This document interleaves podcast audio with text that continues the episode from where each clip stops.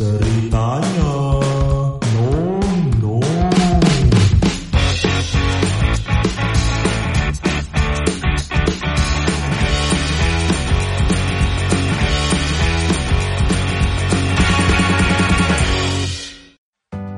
Halo geng, salam jumpa, salam kenal, dan selamat datang di podcast ceritanya Nom Nom.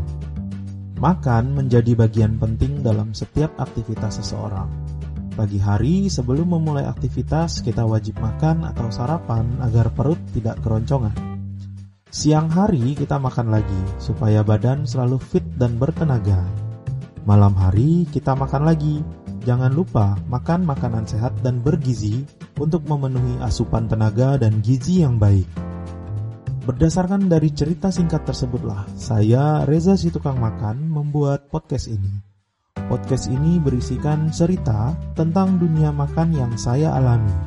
Mulai dari hobi makan, tempat makan, hingga momen-momen makan yang dirangkai secara menarik.